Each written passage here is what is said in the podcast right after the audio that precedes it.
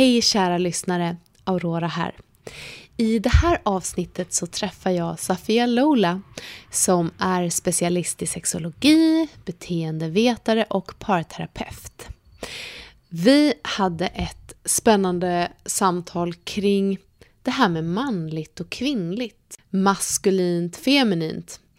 Finns det en manlig versus kvinnlig sexualitet och vad skulle i så fall ingå i det konceptet? Det pratade vi om och mycket mer. Safia Lola är helt fantastisk som person och har så mycket kunskap att komma med, både när det kommer till relationella saker, monogami, flersamhet, öppenhet, men också en bred kunskap kring sex och sexologi och också BDSM, utlevnad och kinks. Det här vill du inte missa. Det här är Kinkupodden om sex, sexualitet, BDSM och kinks. Med Aurora Brännström. Bästa kinksters och utlevare, nu är det podcast primetime. Här är Kinkypodden. Jag heter Aurora Brännström och idag så sitter jag här tillsammans med coola Safia Lola som är specialist i sexologi, beteendevetare och parterapeut och som genom sin egen verksamhet coachar män att nå sin fulla potential som älskare oerhört spännande. Det här har jag tagit från din Instagram, så jag hoppas att det blev rätt. Det blev utmärkt. Toppen. Varmt välkommen hit, Sofia. Tack så jättemycket, Aurora. Jättekul att vara här. Ja, men det tycker jag verkligen också. Um, vill du berätta lite mer? Vill du liksom bredda ut texten kring vem, vem är du och vad är det du gör och brinner för? Oh, jag brinner för att alla ska få ha det sexlivet som de drömmer om och förtjänar. Mm. Ehm, för det är verkligen ja, men, två ord som också är väldigt betydelsefulla och starka. För att vi alla har ju drömmar om vår sexualitet och, och vårt sexliv. Mm. Men inte alla som heller känner att de förtjänar att få mm. ha det. Och det, det är någonting som jag verkligen vill uppmuntra och inspirera alla människor till. Just det. Och vad, vad kommer det ifrån? det här, den, den drivkraften eller den önskan att få göra det? Det är mycket för att jag, alltså jag själv insåg ganska tidigt att det var någonting som jag själv ville. Mm. Eh, och jag kände också att det är min, min rättighet. Mm. Eh, och en del av meningen med livet, att, mm. att få njutning. Mm. Och att sex definitivt inte bara är reproduktion, det, det trodde jag aldrig att det var. Nej. Men, men, men sen så när jag insåg att de flesta andra inte riktigt upplevde det så som jag eller mm. levde så som jag så kände jag att men då vill jag hjälpa andra människor ja. att också kunna nå dit. Mm. Så det var så det började. Och jag började utforska min sexualitet väldigt tidigt. Och det är också någonting som man som vi i samhället inte pratar om. Det är mm. väldigt tabubelagt att prata om barn och sexualitet. Just det. Även fast vi föds med en sexualitet. Och mm. det börjar, vi börjar utforska vår kropp redan vid ja, men tre, fyra års ålder. Ja. Um, och um, ja, jag började väldigt tidigt och hade ingen att prata med om det. Mm. Uh, och det men ändå så hindrade det mig aldrig från att fortsätta eh, utforska. Nej. Även fast det var mycket skam och tabu så mm. har jag mm. ändå alltid gjort det jag har känt för. Mm. Och fortsatt så genom hela livet. Just det. Har och, du liksom befunnit dig i en tillåtande miljö, tycker du? Absolut inte. Ah. nej, nej, nej, nej. Min pappa är muslim, så det är ah. ju liksom definitionen av icke tillåtande beroende på hur, vilken, ja, hur traditionell mm. man är givetvis. Nu mm. säger inte jag att det är så för alla muslimer, men min pappa är väldigt konservativ ah. och väldigt traditionell. Jag förstår. Så nej, det är mycket som gjordes i smyg. Ja. Vilket också är roligt. Så då blir det kanske lite ännu mer spännande. Just det. Ja. Eh, jag levde ett dubbelliv tills jag flyttade hemifrån. Mm. Eh, vilket var jobbigt i perioder men samtidigt så mm. var det det jag ville göra. Och liksom jag lät ingenting hindra mig. Eh, allt det här är ju helt eh, fantastiskt. Jag, jag, tänker att vi, vi kanske kan återkomma till det. Jag, jag känner också Eh, eller jag relaterar en del med din historia, det du berättar nu. Just kring hur man liksom själv, nyfiket barn, hittar någonting som man tycker är fantastiskt och magiskt och vill fortsätta utforska. Men kanske inte riktigt kan göra det i de förhållanden man växer upp eller så. Eh, nu är ju inte mina, min familj muslimer, men liksom jag känner ändå igen en del av det du berättar kring tabuerna eller hemlighållandet och allt det där. Men innan vi går vidare in i det mm. så tänker jag att vi ska starta liksom det här samtalet med Kinkypoddens ja, så kallade knäckfråga då. Eh, jag vill gärna veta, Safia, hur eh, skulle du beskriva begreppet kinks? Ja, det är väl allt som går utanför normen. Mm. Eh, och normen, jag hoppas att normen också kommer expandera lite. Just det. Mm. hur vi ser på normen och ja. vem det är som bestämmer normen. Det är ju samhället som bestämmer normen. Men, men i dagsläget ser jag väl så. Alltid ska utanför mm. normen eh, skulle jag säga att en, en kink är. Ja, men vad härligt. Jag, jag brukar alltid ställa den frågan för att ja. jag också liksom vill komma igång lite kring ämnet eller så. Ja. um, använder du dig av begreppet kinks någonting i ditt arbete?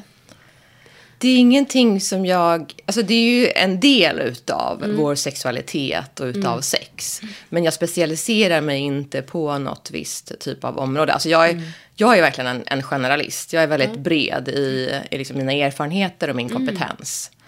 Eh, så att därför så, jag har en fot lite inom alla områden. Mm. Så det är definitivt någonting som jag har i mitt arbete men det är inte någonting mm. som jag specialiserar mig på eller fokuserar på. Mm, jag förstår. Men jag har själv utforskat det och kan, kan själv lära ut också. Just det. Ja, ja men precis. Um, nej, men jag är jättenyfiken på, på dig och ditt arbete. Mm. Och jag förstår ju redan nu att du gör mycket mer än det jag kanske hade tänkt fokusera på idag. Så alltså, var, känn dig fri att bara liksom föra in det till samtalet också, tänker jag. Men nej, jag liksom eh, fastnade lite för när jag har, jag har ju följt dig på Instagram och sådär. Och vi har ju träffats också. Och jag, det jag har fastnat för lite är ju det här, eh, ditt arbete med män och så kallad då manlig sexualitet. Hiring for your small business? If you're not looking for professionals on LinkedIn, you're looking in the wrong place. That's like looking for your car keys in a fish tank. LinkedIn helps you hire professionals you can't find anywhere else, even those who aren't actively searching for a new job but might be open to the perfect role. In a given month, over 70% of LinkedIn users don't even visit other leading job sites. So start looking in the right place. With LinkedIn, you can hire professionals like a professional. Post your free job on linkedin.com slash people today. Mom deserves the best, and there's no better place to shop for Mother's Day than Whole Foods Market. They're your destination for unbeatable savings, from premium gifts to show-stopping flowers and irresistible desserts. Start by saving 33% with Prime on all body care and candles. Then get a 15-stem bunch of tulips for just $9.99 each with Prime. Round out Mom's menu with festive rosé, irresistible berry chantilly cake, and more special treats. Come celebrate Mother's Day at Whole Foods Market. There's never been a faster or easier way to start your weight loss journey than with PlushCare. PlushCare accepts most insurance plans and gives you online access to board-certified physicians who can prescribe FDA-approved weight loss medications like Wigovi and Zepbound for those who qualify. Take charge of your health and speak with a board-certified physician about a weight loss plan that's right for you. Get started today at plushcare.com slash weight loss. That's plushcare.com slash weight loss. plushcare.com slash weight loss. Och jag tänker att vi kanske måste börja där. Um, hur menar du att sexualitet är annorlunda beroende på kön? Och vad är liksom manlig kontra kvinnlig sexualitet enligt dig? Ja, jo, vi är män och kvinnor är olika på, på de flesta sätt. Och jag ser oss som en... Eh, alltså våra olika kön finns för att, för att balansera varandra. Att det är polaritet. Mm. Precis som, som allting annat i världen. Hela, hela, vår, hela vår planet består av att hålla saker och ting i balans. Och manlig sexualitet är den sexualiteten som har dominerat vårt samhälle. Mm. De flesta utav oss kvinnor har börjat vår liksom, sexuella resa eller vårt sexliv med att ha sex på ett mer manligt sätt. Mm. Och det här manliga sättet har lärts ut genom porr bland annat. Eh, för att porr, och nu pratar jag om kommersiell porr, mm. har historiskt sett, det har skapats av män för män. Mm. Så mm, sex på ett manligt sätt. Mm. Och män har mycket snabbare till sin lust, de har mycket snabbare till sin orgasm.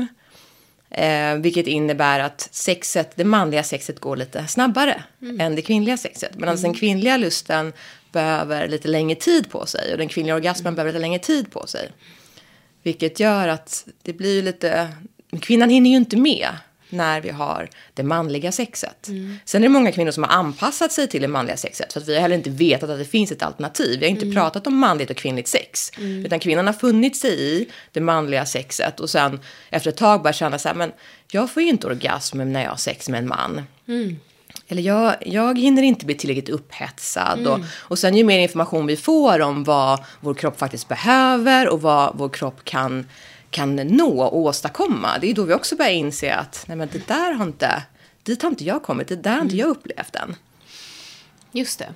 Ja, nej, men det här är väldigt spännande. För att jag är ju, som sann RFSU-are jag är, lite skeptisk när man pratar om manligt och kvinnligt på det här sättet.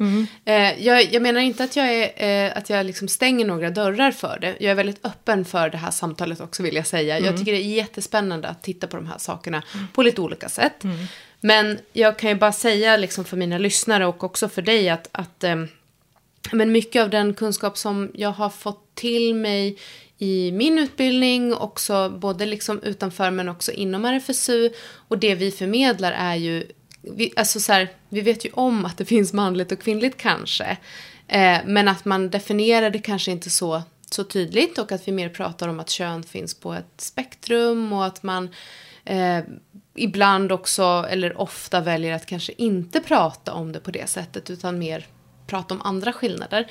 Um, hur, hur, tänker du kring, kring det snacket liksom? Uh, är, det, är det någonting som motsätter sig det du säger eller kan man liksom prata om både och? Um. Ja, alltså det tycker jag absolut inte att det motsätter sig. Men det jag känner i mitt arbete är att det finns fortfarande väldigt många människor som mm. identifierar sig som kvinnor och som identifierar sig som man. Mm. Eh, och det är väl de som jag då, eh, som är min målgrupp. Mm. Just det. Eh, så det är mer bara så som jag, som jag ser det. Jag förstår.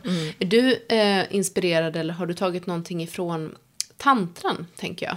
Det har jag också. Ja, jag, jag förstår. Det, det är min spontana ja. fördomsbild. Ja, ja. Eh, och det, jag, jag menar ingenting liksom egentligen värderande kring det. Jag bara känner att jag, eller jag upplever att jag känner igen mm. det du pratar om lite grann från tantran kanske. Mm. Mm. Så, men nu, nu har vi ja. pratat om det, ja, nu får ja. du berätta. Ja. ja. Nej men okej, så, att, så du tänker då att manlig sexualitet har ett annat tempo?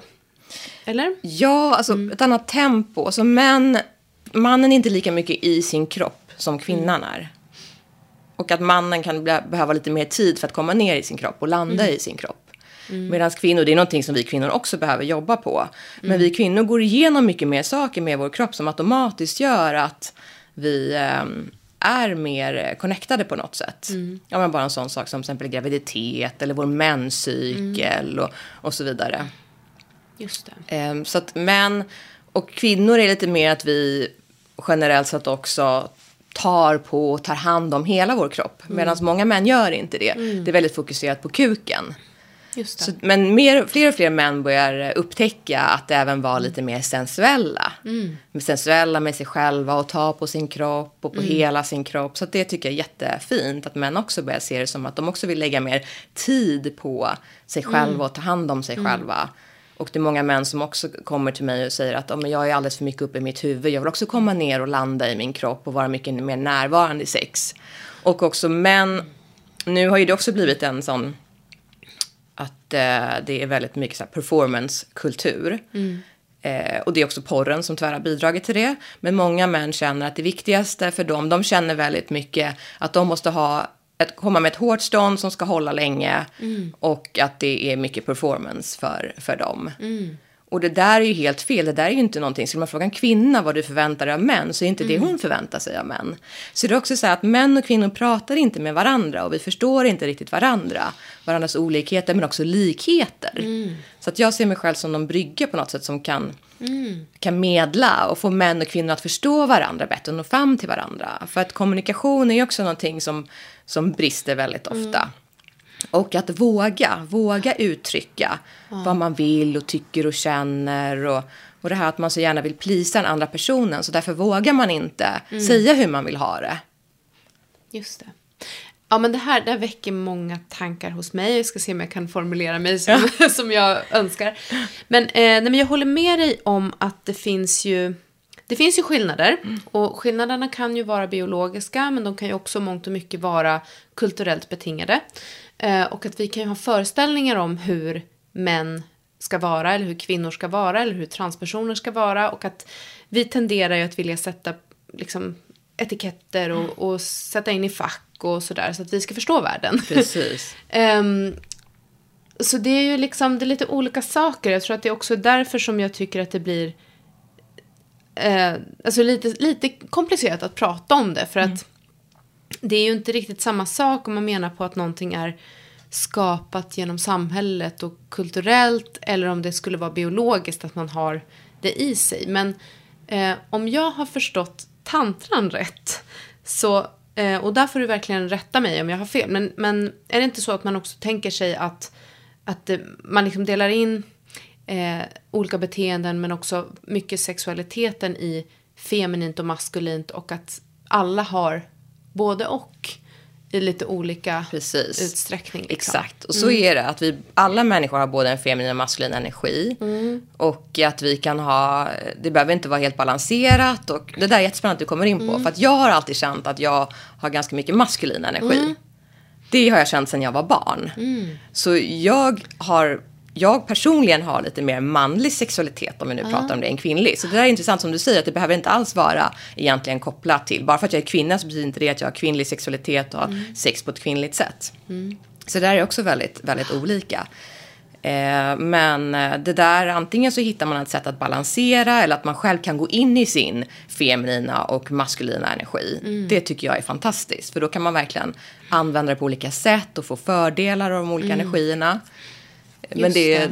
det, är helt, men det beror på hur eh, medveten man är. Ja, men jag har också tänkt på det och liksom i relation till mig själv. Eh, så ja, det, jag, jag tänker att det får, det får vara okej att, att jag också går in lite i, i det privata för mig nu. Men ehm, för då, då tänker jag liksom det jag hör av dig och det jag har hört ifrån tantra och liksom andra personer som har pratat om olika energier eller manligt, kvinnligt, feminint, maskulint. Att det maskulina eller kanske manliga skulle då kunna vara mer kraftfullt, lite mer snabbt, direkt, eh, könfokuserat på kön och så vidare. Medan det kvinnliga då kanske skulle vara som du sa, lite mer sensuellt, att man omvårdande, omhändertagande, långsamt kanske.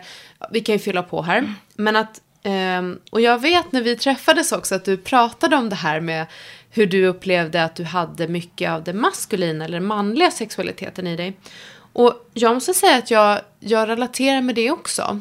Jag är väldigt eh, pang på. och, och det har jag nästan skämts för eh, i liksom tidigare perioder av mitt liv för att jag har känt mig så okvinnlig i det. Och det, varför jag har känt mig okvinnlig är ju för att det har funnits förväntningar på mig som kvinna. Eh, men jag har inte svårt att få orgasm. Eh, jag kan få orgasm vid penetration och jag är snabb på att bli blöt. Och jag liksom, eh, sådär, så att jag nästan känt mig lite utanför i vissa samtal med andra kvinnor. När det har pratats om eh, såhär, men det behövs tid och eh, det är svårt att få orgasm. Och så, ja, jag känner inte igen det där. eh, så där har jag mer tänkt att så här, ja, men då har jag blivit bekräftad i min tanke om att vi alla är lika men olika oavsett kön. Om du förstår. Vad tänker du om det? Jag, jag känner igen mig i det du säger. Jag är exakt likadan. ja. Eh, Och eh, det var ingenting jag reflekterade kring förrän jag började prata med andra kvinnor om deras, hur deras sexualitet är. Och förstod då att, att de flesta, många behöver lite mer, mer tid och så som vi säger, är inte lika snabba och gillar inte hårt sex och vad det nu kan vara. Så, ehm, så jag förstår precis vad du menar. Där har jag också känt mig lite, att jag har känt att min sexualitet kanske är annorlunda och olik andras. Men samtidigt har inte det hindrat mig från att, från att utforska och vara den jag är sexuellt. Men att det är många kvinnor som har sagt till mig att de har svårt att relatera till min sexualitet. Det hör jag ofta. Just det. Är det, är det liksom där någonstans du, du hittade intresset för, för just den manliga sexualiteten och att coacha män eh, För visst är det mycket det du gör? Precis. Det, ja. För att jag känner att för att jag, jag eh, umgås väldigt mycket med män. Jag har alltid trivts väldigt bra med män. Så jag har många manliga vänner. Män är oftast de jag lär känna först när jag kommer till en ny plats. Eh, Jag förstår män, så därför kände jag att men det, då är det jättebra, just det som jag sa tidigare, den här bryggan mellan män och kvinnor. Jag har lite mer, mitt, mitt, eh, min kommunikation är lite mer manlig, där det är så väldigt så här, rakt på sak och, eh, så att, och tydlig. Så, så därför har jag känt att ja, men det har bara känts som mitt kall. Att, ja, men jag kan män, jag förstår men jag vet hur jag ska prata med dem. Jag, jag, kan, jag vet hur de... Hur, jag, vill, jag vill vara som en brygga också för kvinnor som har svårt att eh, berätta för män hur de vill ha det. Just det. Lite som the messenger. Ja, men det är ju fantastiskt. Ja. Men jag tänker också när vi pratar om de här liksom, ja men olika begreppsbilderna eller kategorierna som vi rör oss kring då. Eh, det är ju också stor skillnad kvinnor emellan och män emellan. Eh, och någonting som jag liksom blev så på riktigt varse så sent som för bara några år sedan är ju hur olika våra fittor är. och liksom att Ja, och det förstår man ju som sexualupplysare, men just också anatomiskt. Att så här, ja, men det är skillnad i djup och töjbarhet. Och, så det är ju inte bara blygdläpparnas storlek eller form, utan det är också så här, eh, med närhet eller långt ifrån klitoris mellan slidan till exempel. Eller liksom, det är så många saker som, som kan variera. Mm.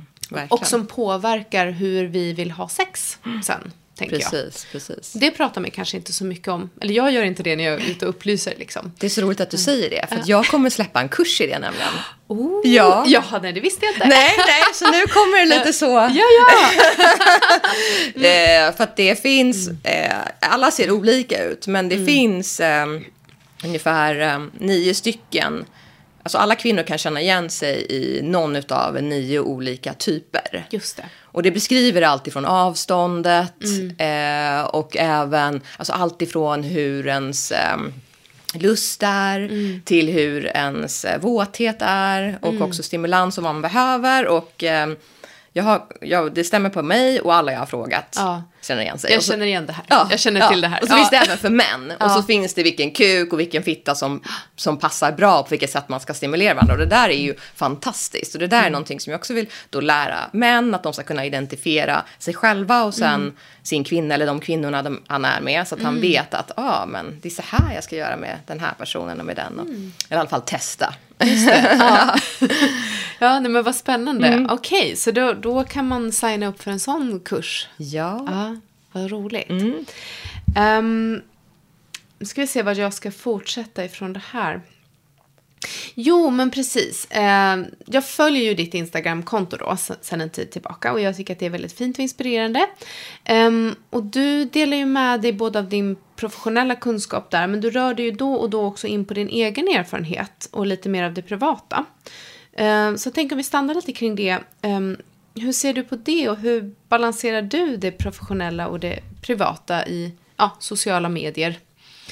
Det där är jätte, jättekul och intressant att du tar upp, för det är någonting som jag har funderat så mycket kring. Ja. Hur, hur jag ska uttrycka mig, vad jag ska uttrycka och så vidare. Och till en början så, så, så körde jag väl på det och tänkte att nej, men jag ska bara prata rent allmänt. Och inte om mig själv. Men sen märkte jag att det var många som ändå blev intresserade. Och inte bara för att de ja, vill höra något snusk, inte så. Men mer intresserade av, just för att vi pratar så lite om sex. Och delar så mycket, lite om sex. Om våra, våra upplevelser och erfarenheter. Och jag har väldigt lätt att prata om mig själv. För att jag, har, jag känner ingen skam. Så därför kände jag också att men då är det en gåva som jag har att ge. Att jag, ska kunna, jag kan berätta allt helt öppet och naket för andra människor. Utan att skämmas. För det är jättemånga som behöver höra att det är fler som fungerar så eller upplevt det eller känner det. Även om jag då ofta får höra att jag har en sexualitet som många inte kan relatera till. Så finns det ändå saker i min erfarenhet och som människor känner igen sig i. Eh, Även män. Jag får många män som, till exempel jag nämnde energiorgasmer. Ja. Och då var det två män som skrev till mig och bara Åh, ja, det är ingen som har pratat om det här tidigare. Jag fick en energiorgasm. Och de som hade fått den när han var väldigt ung och ville ha det igen. Så, så det är också kul att se att det som jag delar om mig själv, det är inte bara för kvinnor eller för män eller för något visst kön. Utan det finns någonting för alla att hämta eller lära sig. Just det. Eller bli inspirerad av också. Precis, exakt, exakt. Så det är det som är meningen, att jag vill inspirera eh, med att berätta lite om mig själv. Och att jag, som sagt, jag är sexuellt öppen utan att skämmas över det. Jag har barn, jag har partner, liksom jag... Det är ett helt samhälle som, som säkert tycker och tänker saker om mig Ja. utan att jag bryr mig. Så det är också någonting som jag vill att vi ska bli, att just den här skammen och tabun och skulden som, som förstör så mycket för oss, som hindrar så mycket. Verkligen. Då känner jag att då går jag gärna där med facklan liksom och Ja. visar att det är okej. Ja. Nej, men och det tycker jag är fantastiskt inspirerande och det är någonting som jag själv funderat mycket på och som jag på något sätt hela tiden arbetar för att hitta en balans kring. För jag tycker att det är... Alltså det är ju viktigt att man håller sig på en generell nivå ofta för att liksom då kan folk relatera på, på det sättet. Men som du säger, ibland så hjälper det också att man plockar in lite av sitt eget och det kan man ju göra på olika sätt. Eh, man kan göra det helt utan att, liksom, att det blir något fnittrigt eller liksom, att man ska gå igång på det. Utan mer om att det blir som en extra nivå av eh, information då. För att, och det här relaterbara, tänker jag. Life is full of awesome what ifs, and some not so much, like unexpected medical costs. That's why United Healthcare provides Health Protector Guard fixed indemnity insurance plans to supplement your primary plan and help manage out of pocket costs. Learn more at uh1.com. Many of us have those stubborn pounds that seem impossible to lose, no matter how good we eat or how hard we work out. My solution is PlushCare. PlushCare is a leading telehealth provider with doctors who are there for you day and night to partner with you in your weight loss journey. They can prescribe FDA-approved weight loss medications like Wagovi and Zepbound for those who qualify. Plus, they accept most insurance plans. To get started, visit plushcare.com slash weight loss. That's plushcare.com slash weight loss. Så det, det har jag också tänkt på för egen del. Eh, men nu nämner du det här med skam och, och tabun och allt det här igen. Som du menar på att du liksom vill bryta eller så. Och eh, innan vi liksom kom igång här så, så, så nämnde du ju att du eh, kommer från en muslimsk familj.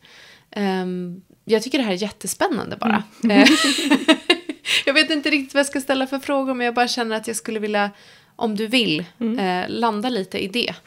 Eh, för jag blir jättenyfiken på dig. Ja, eh, hur ja. du liksom har... hur du vågar och, och, köra ditt race trots att du kanske inte har med dig det från grunden eller så. Alltså jag skulle säga, min pappa är muslim och min mamma är inte det. Så min, Okej. min mamma är, är svensk. Och hon var väldigt, eh, väldigt tillåtande. Hon lät mig vara precis så som jag ville vara. Och jag tror att hon upptäckte väldigt tidigt att jag var ja, men en, en vild unge. Och hon lät mig göra precis som jag ville. Göra mina misstag och vara lite vild och galen. Och så.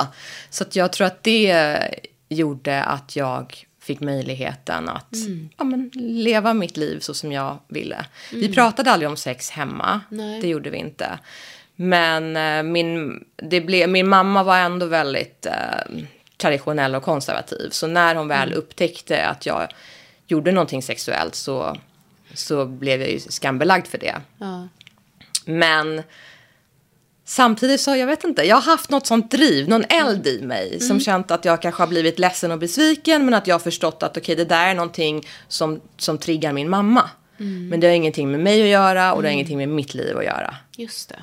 Så därför har jag fortsatt och kanske tänkt att jag ska försöka att göra så att min mamma inte märker eller någonting så. Just det.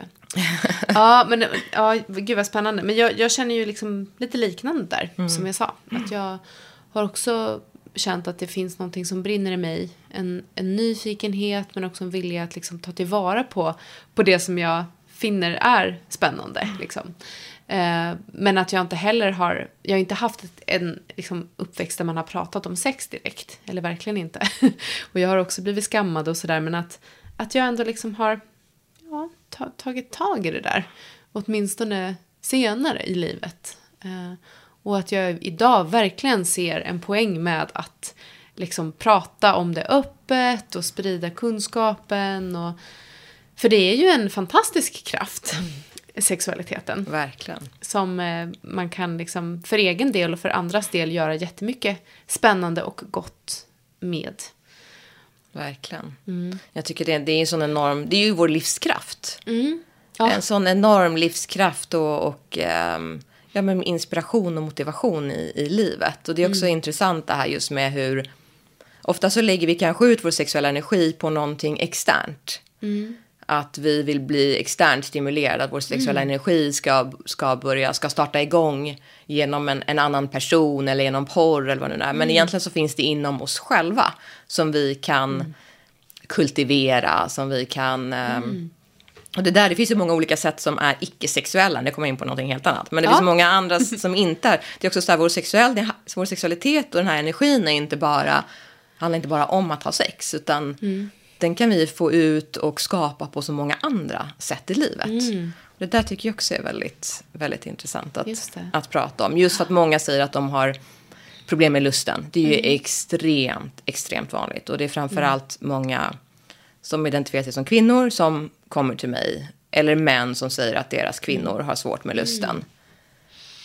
Och då, då, då svarar jag alltid att det är en helhet, lusten. Det är ingenting som föds i ens partnerrelation eller i sängen. Utan det handlar om, det genomsyrar, genomsyrar hela livet. Ja, Hela ens livssituation. just det. Ja, men så, det kan jag hålla med. Det, det, så har jag nog också sett på det. Eh, som att sexualitet är så mycket mer än bara det här, alltså själva praktiska sexet. Oavsett om det handlar om att onanera eller liksom ta hand om sin egen kropp men, eller tillsammans med någon eller några andra så tänker jag det mer som någonting större. Precis. eh, som får oss att typ vilja leva överhuvudtaget. Exakt, exakt. ja. Ehm, men eh, för att gå tillbaka till det här med professionalitet och det personliga och privata eh, i ditt arbete men också på din, eh, ja, i dina sociala medier helt enkelt, vilket jag tycker är spännande, så har jag ju sett eh, hur du liksom eh, delar med dig då ömsom professionellt, personligt, privat och då pratar du om sånt som till exempel eh, egenkärlek och egensex, flersamhet, andra typer av tillåtande relationer, eh, men också ibland om BDSM, utlevnad. Eh, och ja, det, det är så många saker jag skulle vilja plocka upp här. Men, men eftersom den här podden ändå liksom kretsar lite kring utlevnad, kinks, BDSM. Så vad är din relation till BDSM? Jag började utforska det redan när jag var 16-17 år faktiskt. Ah, wow. Ja, och det här var, jag är född 81, så det här var ju innan, Oj, ja. innan Google, innan internet. Ja, wow. innan Pornhub, innan allting. Ehm, jag började gå till sexbutiker, kommer jag ihåg, när jag började ettan i gymnasiet. Och de, det som fanns då var väl Blue Vision, tror jag. det fanns inte så många då. Men jag började, och sen, jag vet inte vad det var inom mig, men jag kände bara att jag, också för att jag alltid har känt, ehm, jag skulle inte säga att jag är dominant. Det där är också någonting som det finns väldigt mycket skalor för. Men att jag ändå eh, tycker om att leka med, med lite dominans och undergivenhet. Plus att jag har tyckt om, jag upptäckte tidigt i livet att jag tyckte om smärta. Det upptäckte jag faktiskt lite roligt när jag var sex år och piercade mina öron. Aha. Okej. Det var en sån kick och sån adrenalinrush för mig. Det var wow. Så att, på, så att när jag var yngre så älskade jag att pierca mig. Så att jag piercade mig typ överallt för att jag tyckte att det var så härligt. Och sen så började jag väl kanske utforska med stearinljus ehm, på mig själv. Ehm, älskade att typ vaccinera mig. Vi åkte ofta till Afrika och var så åh äntligen en spruta, vad skönt. Det här kan jag inte relatera nej, till. nej, nej, nej. Så det var väl lite så att jag upptäckte att okej, men jag gillar faktiskt eh, smärta. Aha. Ehm, så det var väl lite så som det började och sen så hade jag en min första seriösa relation som jag fick i ettan i gymnasiet. Vi var tillsammans i tre och ett halvt år och vi utforskade allt tillsammans. Så han var också med på, på att utforska det. Okej, vad spännande. Ja. För mig har liksom BDSM kommit in mycket senare i livet. Eh, Okej, men så du hittade det... Jag tror att det är vanligare än att man börjar när man är 16. Men som sagt, ja. Ja, men du verkar ju vara lite, lite unik ändå i din... liksom, det- jag tycker det är fantastiskt. Ja, eh, ja. Som ung och nyfiken och också ta tillvara på det. Eh, vilken gåva, tänker jag. Eh, blev, blev du sån här sexualupplysare i kompisgänget?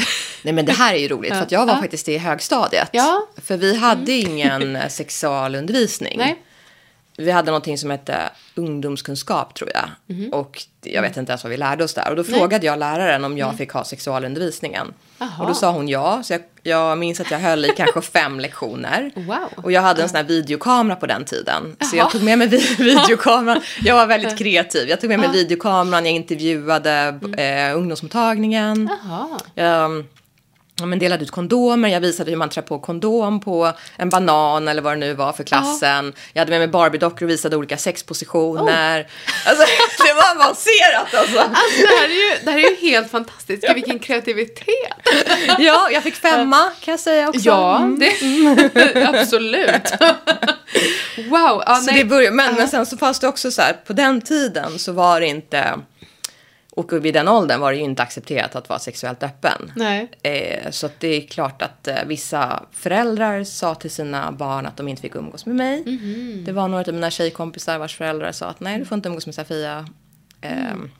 Men ja, jag, jag brydde mig inte så mycket om det. Men, men ändå, det är märkligt i alla fall. Ja. Tråkigt. Så lite smällar har man ju fått ta. Ja, men jag förstår. Mm. Men, men ändå, wow. Alltså jag, jag, jag, blir, jag blir väldigt eh, glad att höra det här. För mig var det nog mer att jag liksom... Jag, jag tog det inte så långt, men att jag pratade med mycket, Mm. liksom med mina kompisar och, och sådär var väldigt eh, intresserad av att dels lära mig mer, men också lära andra mer Mm. om jag kunde bidra med det. Liksom. Eh, så att jag har alltid pratat mycket om sex. Mm. Eh, det, det är ju spännande. Ja, verkligen, verkligen. Men ehm, jag tänker, kan vi prata lite kring... ehm, ja, men du har redan nämnt begreppet polaritet och maktförskjutning. Eh, men kanske också att anta olika roller i, i sex. Ja, men vad kommer till dig spontant när jag liksom för de här begreppen på tal? Finns det någonting att hämta där till, till det du håller på med? Ja, jag tycker, ja men dels, ja, dels så polaritet, det är väldigt, väldigt intressant, men det är också ett helt ämne i, i sig. Ja. Eh, och polaritet behöver definitivt inte vara eh, könsbundet Mm. heller. Men ehm, polaritet kan ju vara väldigt, ehm, ja men som en, eh, ett batteri, att man behöver plus och minus för att det ska bli en laddning. Så många människor tycker om när det är polaritet för att då blir det den här laddningen jämfört med om det är två plus eller två minus som, som möts. Och det kan vara fint men det kan, det kan, den lågan kan släckas ganska snabbt medan om det är polaritet så laddas det Ja. mer och längre. Ja. Ehm, sen när det gäller här, dominans och, och undergivenhet så är det också för mig en, en väldig skala. Eh, och vad som är att vara dominant. Och det här tycker jag är lite roligt. Nu kommer jag lite in på mig själv här. Men så många som säger, ja men du är dominant. Medan dominans för mig är att vilja bestämma över någon annan. Men jag har aldrig känt att jag har ett behov av att bestämma över någon annan. Däremot så har jag ett behov av att bestämma över mig själv. Ja. Så där ser jag som en skillnad. Så att jag, jag är även en extrovert person och väldigt social. Och jag tar för mig. Och att jag tar för mig och som då identifieras som kvinna, det ses ofta som dominant. För att jag tar för mig. Medan jag ser inte det som dominant. Så det där är lite roligt. Så till exempel om det gäller i ett sexuellt sammanhang så tycker inte jag att jag är dominant om jag säger vad jag vill ha och vad jag vill att min partner ska göra med mig. Däremot tycker jag att jag är dominant om jag bestämmer över personen. Om jag säger du ska göra det här istället för att säga att jag vill ha det här. Ah. Där tycker jag, för mig blir det en skillnad. Ja. Istället för att säga att du ska slicka mig så säger jag jag vill bli slickad. Men, men som sagt, det där är ju nyanser. nyanser. Och det är också kul för att även om jag kanske kan... Ja, det här att, att det inte heller behöver vara hela tiden den här polariteten heller. Att om en är dominant så måste en vara undergiven. Utan att det där också kan, eh, kan skifta. Och det kan visst vara två dominanta eller två två undergivna, bara att man hittar sin balans och sitt sätt att, att, att vara med varandra. Just det. Och även om jag tycker om att eh, kanske vara lite mer dominant så betyder inte det att jag tycker om att någon är undergiven. Nej. Så Ja, nej men det, det är jätteintressant. Jag har också funderat mycket på de här begreppen. Just, just dominans och undergivenhet eller underkastelse och sådär. Att jag tycker inte att någonting riktigt stämmer överens i mig. Nej. Eh, men det beror också på vad man lägger för värdering i orden. Liksom. precis. Eh, men jag är också jättemån om att liksom, få bestämma själv vad jag vill ha och vad jag inte vill ha. Men jag tycker inte om att leda sexakten om man säger så. Jag vill gärna bli ledd eller hanterad eller liksom, ja. Så där blir ju jag inom begreppet undergiven. Men samtidigt så är jag ju verkligen ingen vad säger man, viljelös undergiven. Och det vet jag inte heller om det behöver betyda. Men ibland så finns det ju lite missuppfattningar där också tror jag. Precis. Kring de här begreppen. Och många nybörjare till BDSM kanske tänker att om jag ska vara dominant då krävs det här av mig. Och om jag är undergiven då krävs det här av mig. Och att man missar lite poängen med det här spelet. Som blir så himla häftigt när det blir bra. Exakt. Jag. Ehm, Sen, men så jag tycker att det är, jätte, det är jättespännande. Och jag, jag, det har jag sagt flera gånger i den här podden också. Jag tycker det är så kul med, med ord och hur vi formulerar oss och vad vi menar med det egentligen. Verkligen. och att det verkligen kan... Det är ju fantastiskt men det kan ju också sätta lite käppar i hjulen för att man har idéer om vad man pratar om som kanske inte stämmer. Precis, precis. Det är därför det tycker jag är jätteviktigt och bra nu att du och jag pratar om den här nyanseringen av det. För då tror jag också att det är fler som förstår att Ja. ja. ja, men det här är ju någonting som jag också gör eller vill göra eller kan göra. Just för att det. jag tror att det kan avskräcka också för att det sätter någon viss ribba när man bara pratar om dominans och undergivenhet så som det kanske görs just nu. Just det. Men om vi skulle bryta ner liksom och prata lite mer konkret kring just begreppet polaritet. Eh, Vad kan man prata om för typ av, vad är det för balanser man skulle kunna leka med här? Vilka polariteter kan man lyfta fram? Eller så, vad är det som kan skapa den här glöden då? Så jag tror definitivt om man nu... Eh, och det börjar ju utanför sängen också. Eh, så hur man är i relationen eller kommunikationen. Många, många kvinnor till exempel tycker ju om när en man ehm, tar, ja, men tar ledet och bestämmer. Bara från till exempel dejten till exempel. Att mannen tar initiativet. Jag kommer hämta dig klockan sex. Ja. Och så åker vi till den här restaurangen. Så att kvinnor tycker om att bli lite mer ledda och att det skapar den här polariteten och att män också då kan tycka om att ta hand om sin kvinna. Och liksom det här klassiska som man kan prata om tidigare. Nu är det ju, det här är också ett speciellt ämne för Sverige som är extremt jämställt jämfört med många andra länder.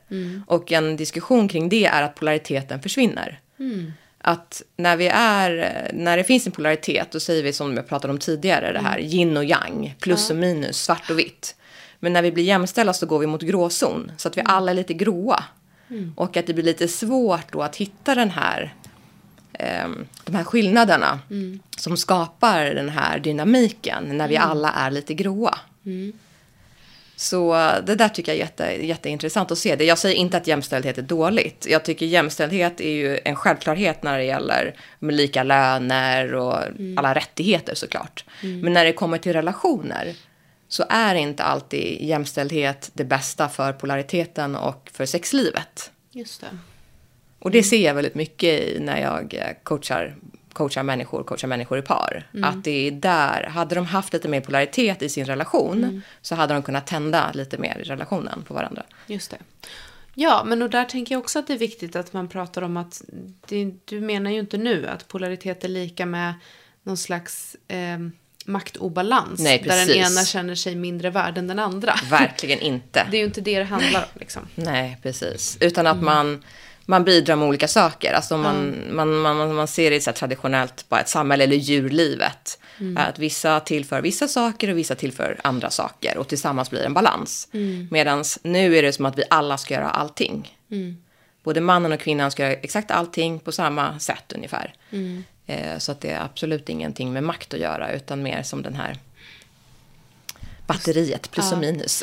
Ja, men exakt. Och sen kan det också bli det här. Det är också en klassisk fälla för okej nu börjar jag också prata lite kring manligt och kvinnligt här, men, men om vi säger liksom kvinnliga personer som identifierar sig så, som också hamnar i en fälla av, det här har ju varit länge, att man vill ha, eh, och man skaffar sig en karriär, eh, toppen, man ska ta ansvar för hemmet ändå, och barn, och liksom det blir bara plus, plus, plus, plus på arbetsbördan. Precis. Och att det kan ju skapa en väldigt dålig eh, maktobalans i en relation.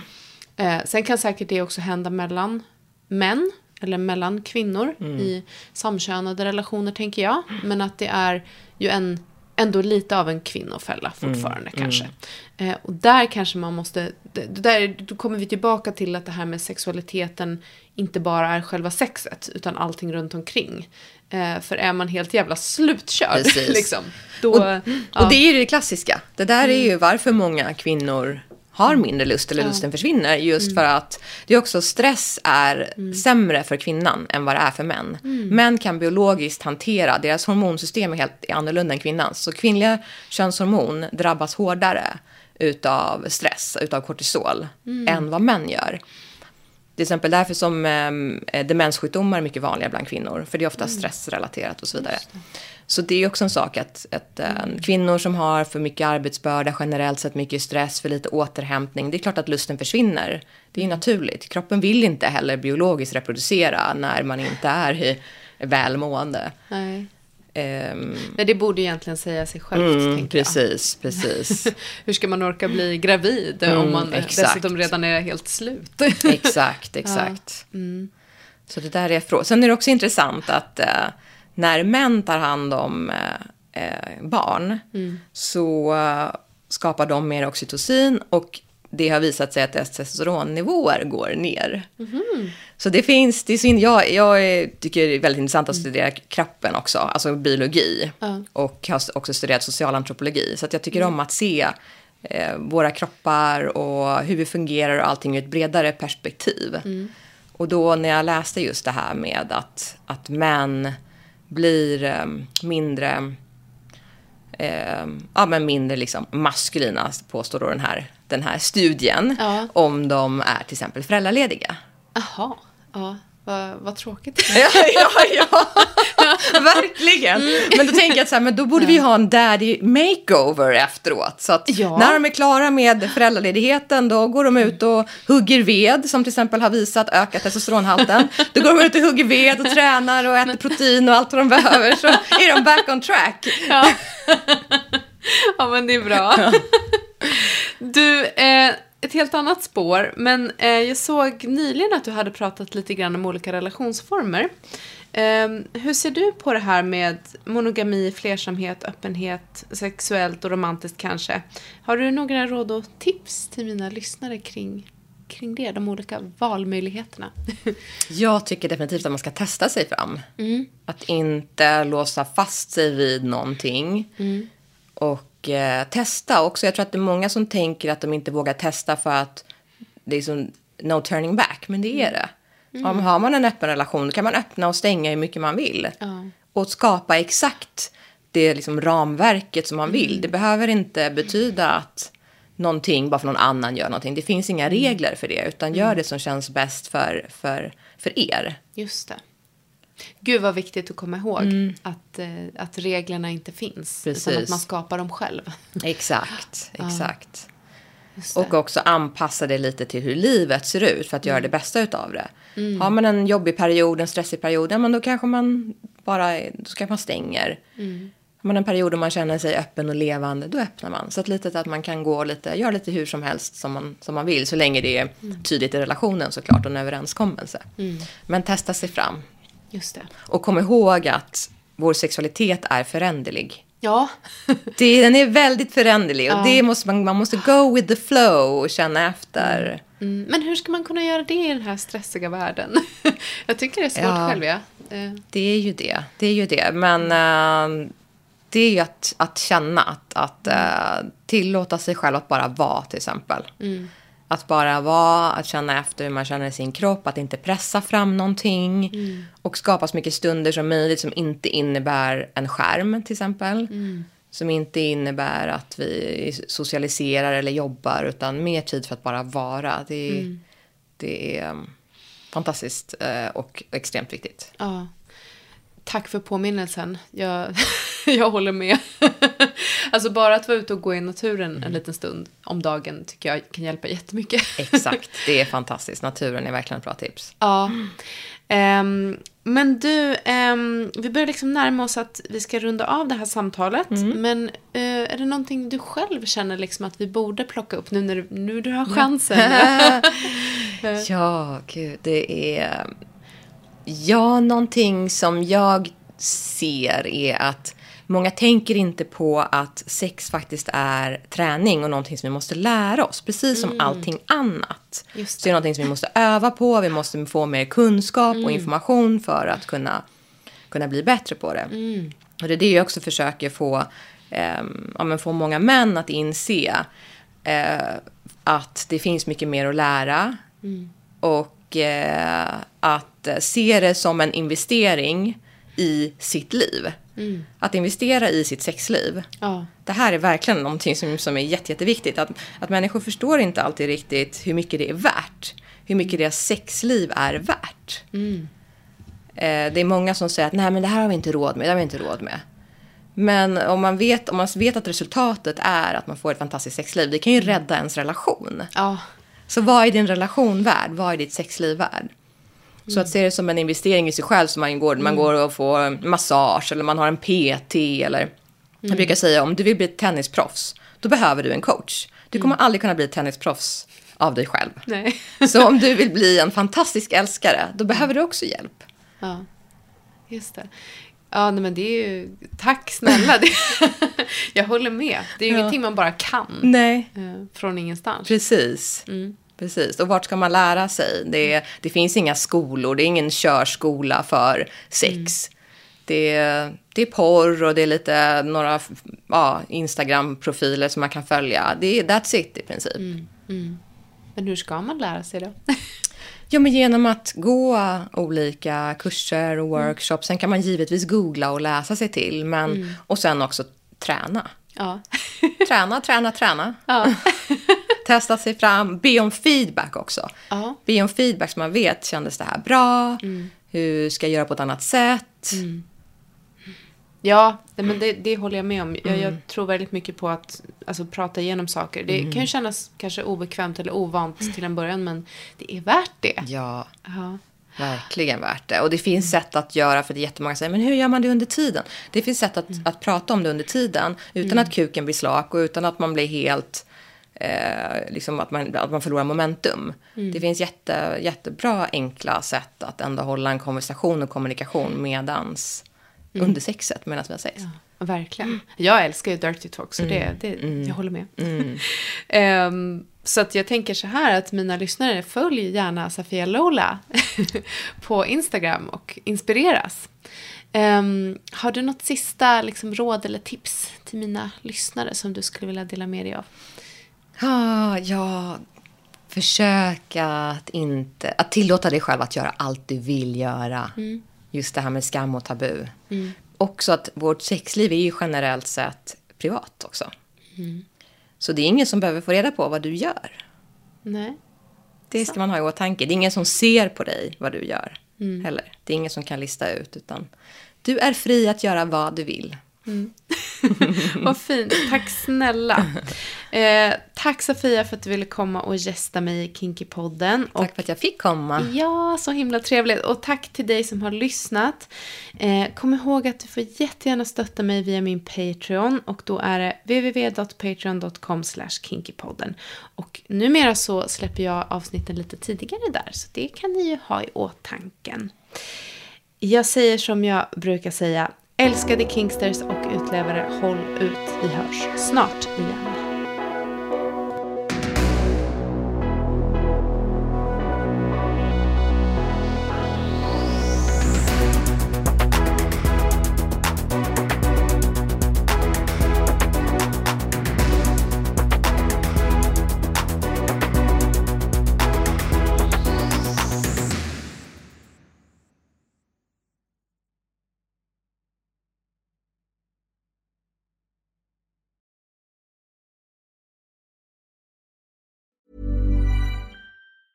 Mom deserves the best, and there's no better place to shop for Mother's Day than Whole Foods Market. They're your destination for unbeatable savings, from premium gifts to show-stopping flowers and irresistible desserts. Start by saving 33% with Prime on all body care and candles. Then get a 15-stem bunch of tulips for just $9.99 each with Prime. Round out Mom's menu with festive rosé, irresistible berry chantilly cake, and more special treats. Come celebrate Mother's Day at Whole Foods Market. Ever catch yourself eating the same flavorless dinner three days in a row?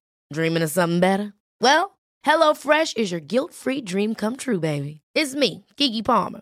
Let's wake up those taste buds with hot, juicy pecan-crusted chicken or garlic butter shrimp scampi. Mm. Hello Fresh. Stop dreaming of all the delicious possibilities and dig in at HelloFresh.com. Let's get this dinner party started. Planning for your next trip? Elevate your travel style with Quince. Quince has all the jet setting essentials you'll want for your next getaway, like European linen, premium luggage options, buttery soft Italian leather bags, and so much more. And is all priced at 50 to 80% less than similar brands. Plus, Quince only works with factories that use safe and ethical manufacturing practices. Pack your bags with high-quality essentials you'll be wearing for vacations to come with Quince. Go to quince.com/pack for free shipping and 365-day returns.